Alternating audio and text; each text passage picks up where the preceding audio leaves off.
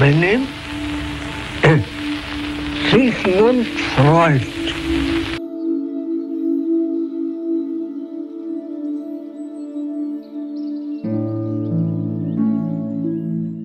فرويد تولد سنة 1856 درس الطب في الجامعة ديال فيينا. وفي الوقت اللي كانت فيه هذه المدينة إحدى أهم مراكز الثقافة الأوروبية. ودار تخصص ديال طب الأعصاب. ومن نهاية القرن التاسع عشر حتى لمنتصف القرن العشرين تقريبا كان تخدم على علم نفس الأعماق البشرية أو بما يسمى التحليل النفسي هذا المصطلح ديال التحليل النفسي تيغطي الوصف ديال النفس الإنسانية بشكل عام كيف ما تيغطي منهج وطريقة لعلاج آلام نفسية وعصبية.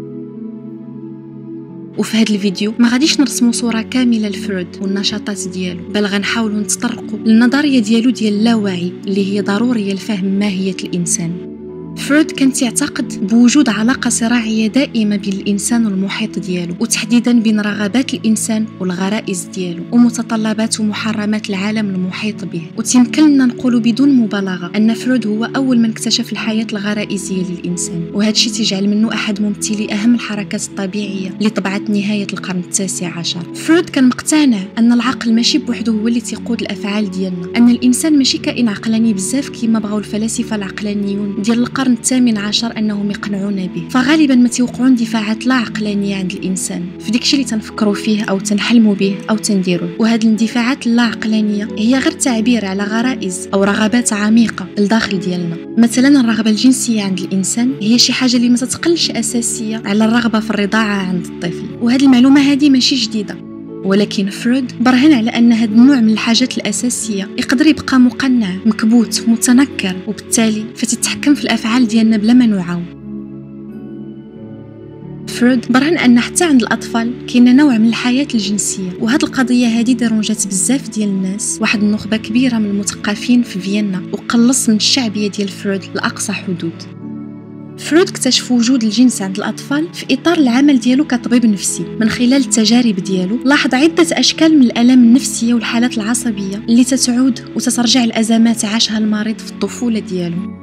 وهكا بدا تيصنع شوية بشوية الطريقة العلاجية الخاصة وتيطبق اللي تنسميوه التنقيب الاثري في النفس البشرية. شنو المعنى هذا الشيء بالضبط؟ المنقب الاثري تيحاول أنه يلقى شي آثار ديال شي ماضي بعيد. من خلال إجراء بعض التنقيبات عبر طبقات متتالية متعددة من الحضارات.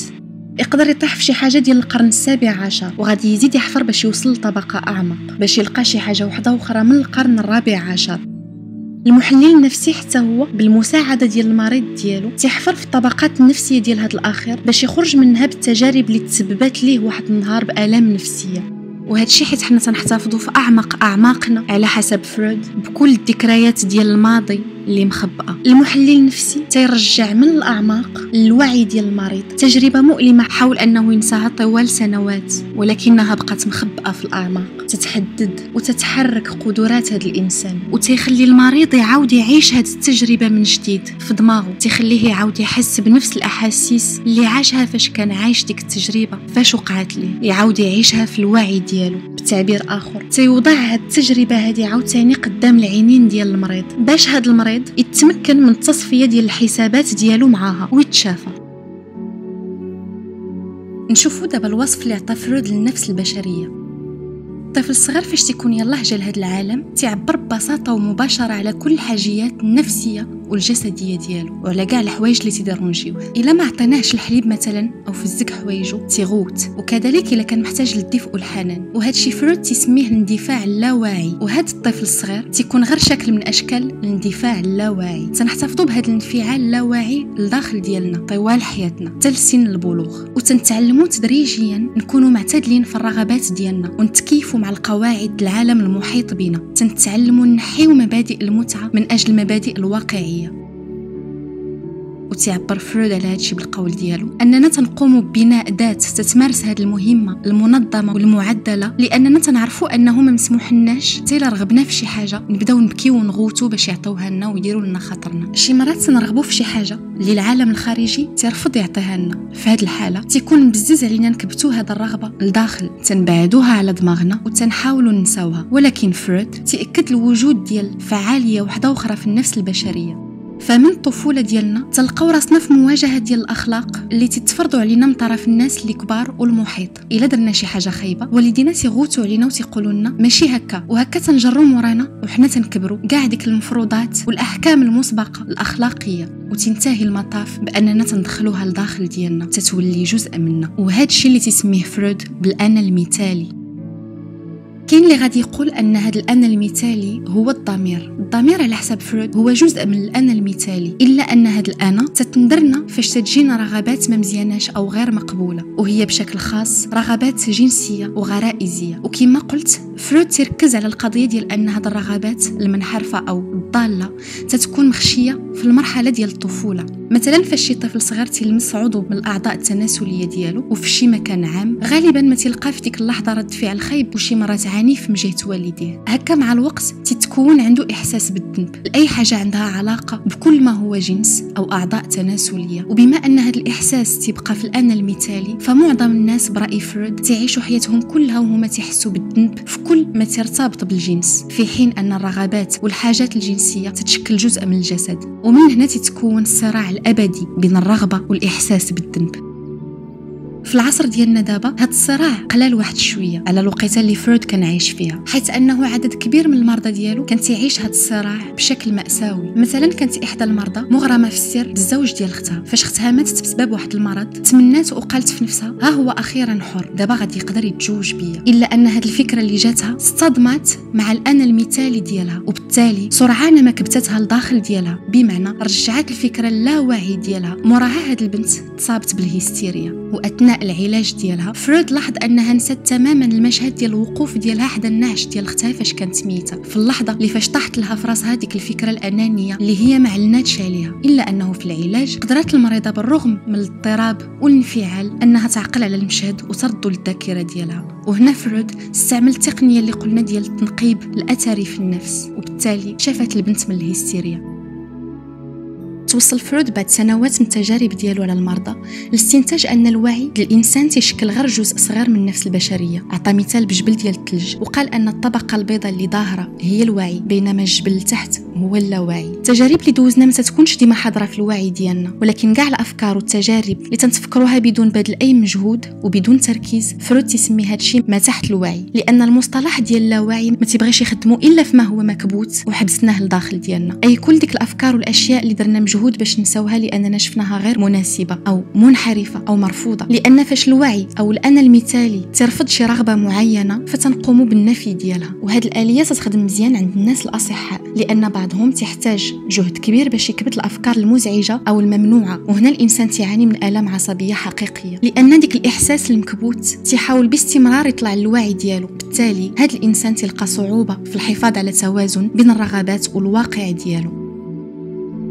فرويد عطى مثال على هذه الآلية في واحد المحاضرة في الولايات المتحدة الأمريكية في عام 1990 قال الجمهور ديالو تخيلوا أن كاين واحد مشاغب معاهم في القاعة اللي ما تيحبش من التبرزيط والشغب وتتسبب في التوقف المحاضرة بزاف المرات. وفي هذه الحالة غادي ينوضون بيناتهم بعض الرجال الجريئين اللي غادي يخرجوه على برا. وباش يضمنوا أنه ما غاديش يعاود يدخل غيديروا كراسة وغيجلسوا حدا الباب. بحال شي حاجز مانع للدخول. هكا يكفي أننا نسميو القاعة المحاضرة بالوعي وال couloir فين جالسين؟ الرجال اللي شادين العسة باللاواعي ولكن المشاغب مازال ما قالش هضرته الأخيرة. وهذا الشيء اللي توقع الأفكار والإندفاعات المكبوتة اللي تنعيشوا ديما تحت الضغط ديالها. حيت تتحاول باستمرار أنها تشق الطريق ديالها للوعي. هذا الشيء علاش توقعوا لنا ديما ديك زلات اللسان. وهكا ردات الفعل لا شعورية تتحكم لنا في المشاعر والأفعال ديالنا. فرويد تيقول أن حياتنا اليومية عامرة بالأفعال لا شعورية. بحال فاش تنساو ديما السمية ديال شي واحد أو فاش تنكونوا تنطويو الحوايج لا اراديا وحنا تنهضروا أو فاش تنحركوا شي حاجة من بلاصتها بلا ما نحسوا وبلا ما نساو زلات اللسان اللي تتخلينا نقولوا شي حوايج بريئة. وهذا الشيء عند فرويد غير أعراض. هاد الزلات اللي توقعوا لنا ديال اللسان والأفعال تتعبر على الأسرار ديالنا الأكثر حميمية. واخا نبغيو نردوا البال اش تنقولوا واش تنديروا فعمرنا غنقدروا نفلتوا من الاندفاعات اللاشعورية. لهذا فخاص الواحد ما يديرش مجهود كبير باش يرجع الأفكار اللي ما تيعلنش عليها لا شعور ديالو. لأن ترك الباب مفتوح بين الوعي واللاوعي تيكون أكثر صحية. إلا غلقنا الباب بيناتهم فنقدروا نواجهوا خطر أمراض نفسية بحال المصاب بال névrose أو العصاب. تيكون الانسان اللي تيدير كل جهده باش يطرد من الوعي ديالو. أي حاجة تتعكر المزاج ديالو. وغالبا ما تيكون داكشي المطرود تجربة مهمة بزاف لدرجة تتخلي الكبت ديالها يكون ضروري. وعلى هذا النوع ديال التجارب الخاصة فرويد عطى سمية ديال تروما وهي كلمة أصلها إغريقي اللي تتعني الجرح وهي اللي تنقولوا لها حنا الصدمة النفسية. فرويد كان تيحاول أثناء العلاج ديالو للمرضى يدفع هذا الباب المسدود ويحلو. وإلا ما قدرش. تيحاول مع واحد آخر. المهم تيحاول يطلع بالمساعدة المريض ديالو ديك التجارب المكبوتة للوعي ديالو. لأن المريض ما تيكونش عنده دراية بديك المكبوتات. لهذا فرويد وضع واحد الأسلوب سماه تقنية المشاركة الحره بحيث المريض تيتجبد بطريقة اللي تياخذ فيها راحته وتيهضر بكل حرية على كل ما تيطيح له في راسه على أشياء تافهة أشياء خطيرة مؤلمة. وهنا فين تيبان الفن ديال المحلل النفسي حيث أنه خاصو يكسر هذا الغطاء أو هذا الرقابة اللي تتخبى ديك الصدمة المسدود عليها. وتتأثر باستمرار على المريض بلا ما يرد البال وبلا ما يجيب خبر. شحال ما درنا مجهود كبير باش ما نفكروش في شي حاجة شحال ما اللاوعي ديالنا تيفكر فيها. لهذا على حساب فرويد خاصنا نكونوا مستمعين للإشارات ديال اللاوعي واللي غالبا ما تتكون في الأحلام. والكتاب ديالو ديال تفسير الأحلام اللي صدر عام 1900 تيوضح أننا ما تنحلموش غير هكاك. تيقول أن من خلال الأحلام تتحول الأفكار اللي في اللاوعي ديالنا تشق الطريق ديالها للوعي ديالنا. فرويد تيقول أن الأحلام هي طريقة باش تعوض الرغبات ديالنا. إلا أنه حتى في الأحلام ديكشي تيجي بطريقة مقنعة لأن حتى في النوم تنكونوا تنديروا على ريوسنا رقابة قاسية وعلى الرغبات ديالنا. هنا تيشير فرويد لضرورة تفسير الأحلام وتيقول أن خاصنا نميزوا بين الحلم كما تنتفكروه في الصباح والمعنى العميق ديالو وتيحاول ديما يقلب على مصادر في أحداث اليقظة. التحليل النفسي دار البوز في العشرينات خصوصا في الأوساط ديال الطب النفسي وحتى في أوساط أخرى بحال الفن والأدب. حتى الفنانين مشاو بداو يهتموا بالحياة اللاشعوريه للإنسان. راه نفرض أن كل الناس بشكل عام هم فنانون والحلم بحد ذاته عمل فني. وحنا تنحلموا كل ليلة أنه لجأ لبعض الرموز باش يتمكن من التفسير ديال الأحلام ديال المرضى ديالو. كما حتى حنايا تنديرو فاش نكونوا تنحللوا شي لوحة فنية أو نص أدبي.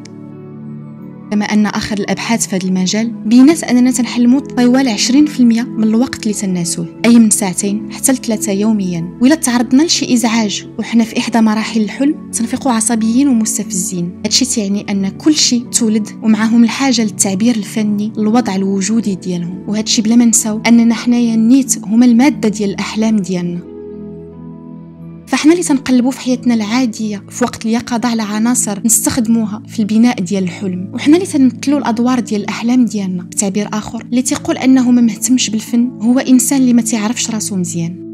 بالاضافه لهذا الشيء فرويد اقتنع بأننا تنخبئوا في مكان ما في الوعي ديالنا. أي حاجة شفناها وعشناها واحد النهار وديك الشيء يقدر في أي لحظة يطلع للسطح ففاش تنقولوا أن هذا الشيء مثلا تيفكرني في شي حاجة أو هذه الجملة هذه على طرف لساني رجعت لي شي حاجة للذاكرة فتتكون غير شي حاجة اللي طالعة لنا من اللاوعي ديالنا شي حاجة اللي لقات أخيرا باب محلولة اللي منها غدوز.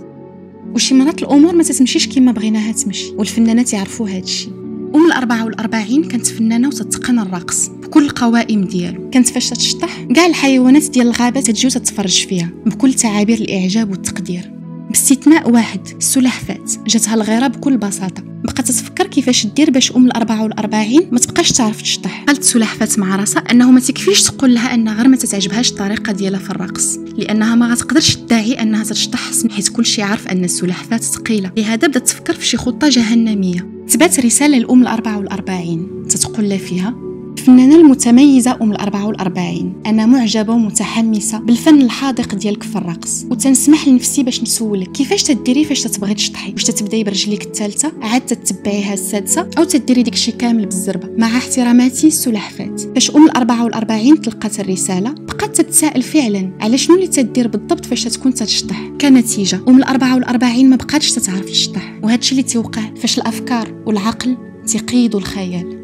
كما أنه عند أي فنان شيء أساسي أنه يتحرر أي يكون في وضع اللي تجيه الأشياء من راسها بكل طبيعية.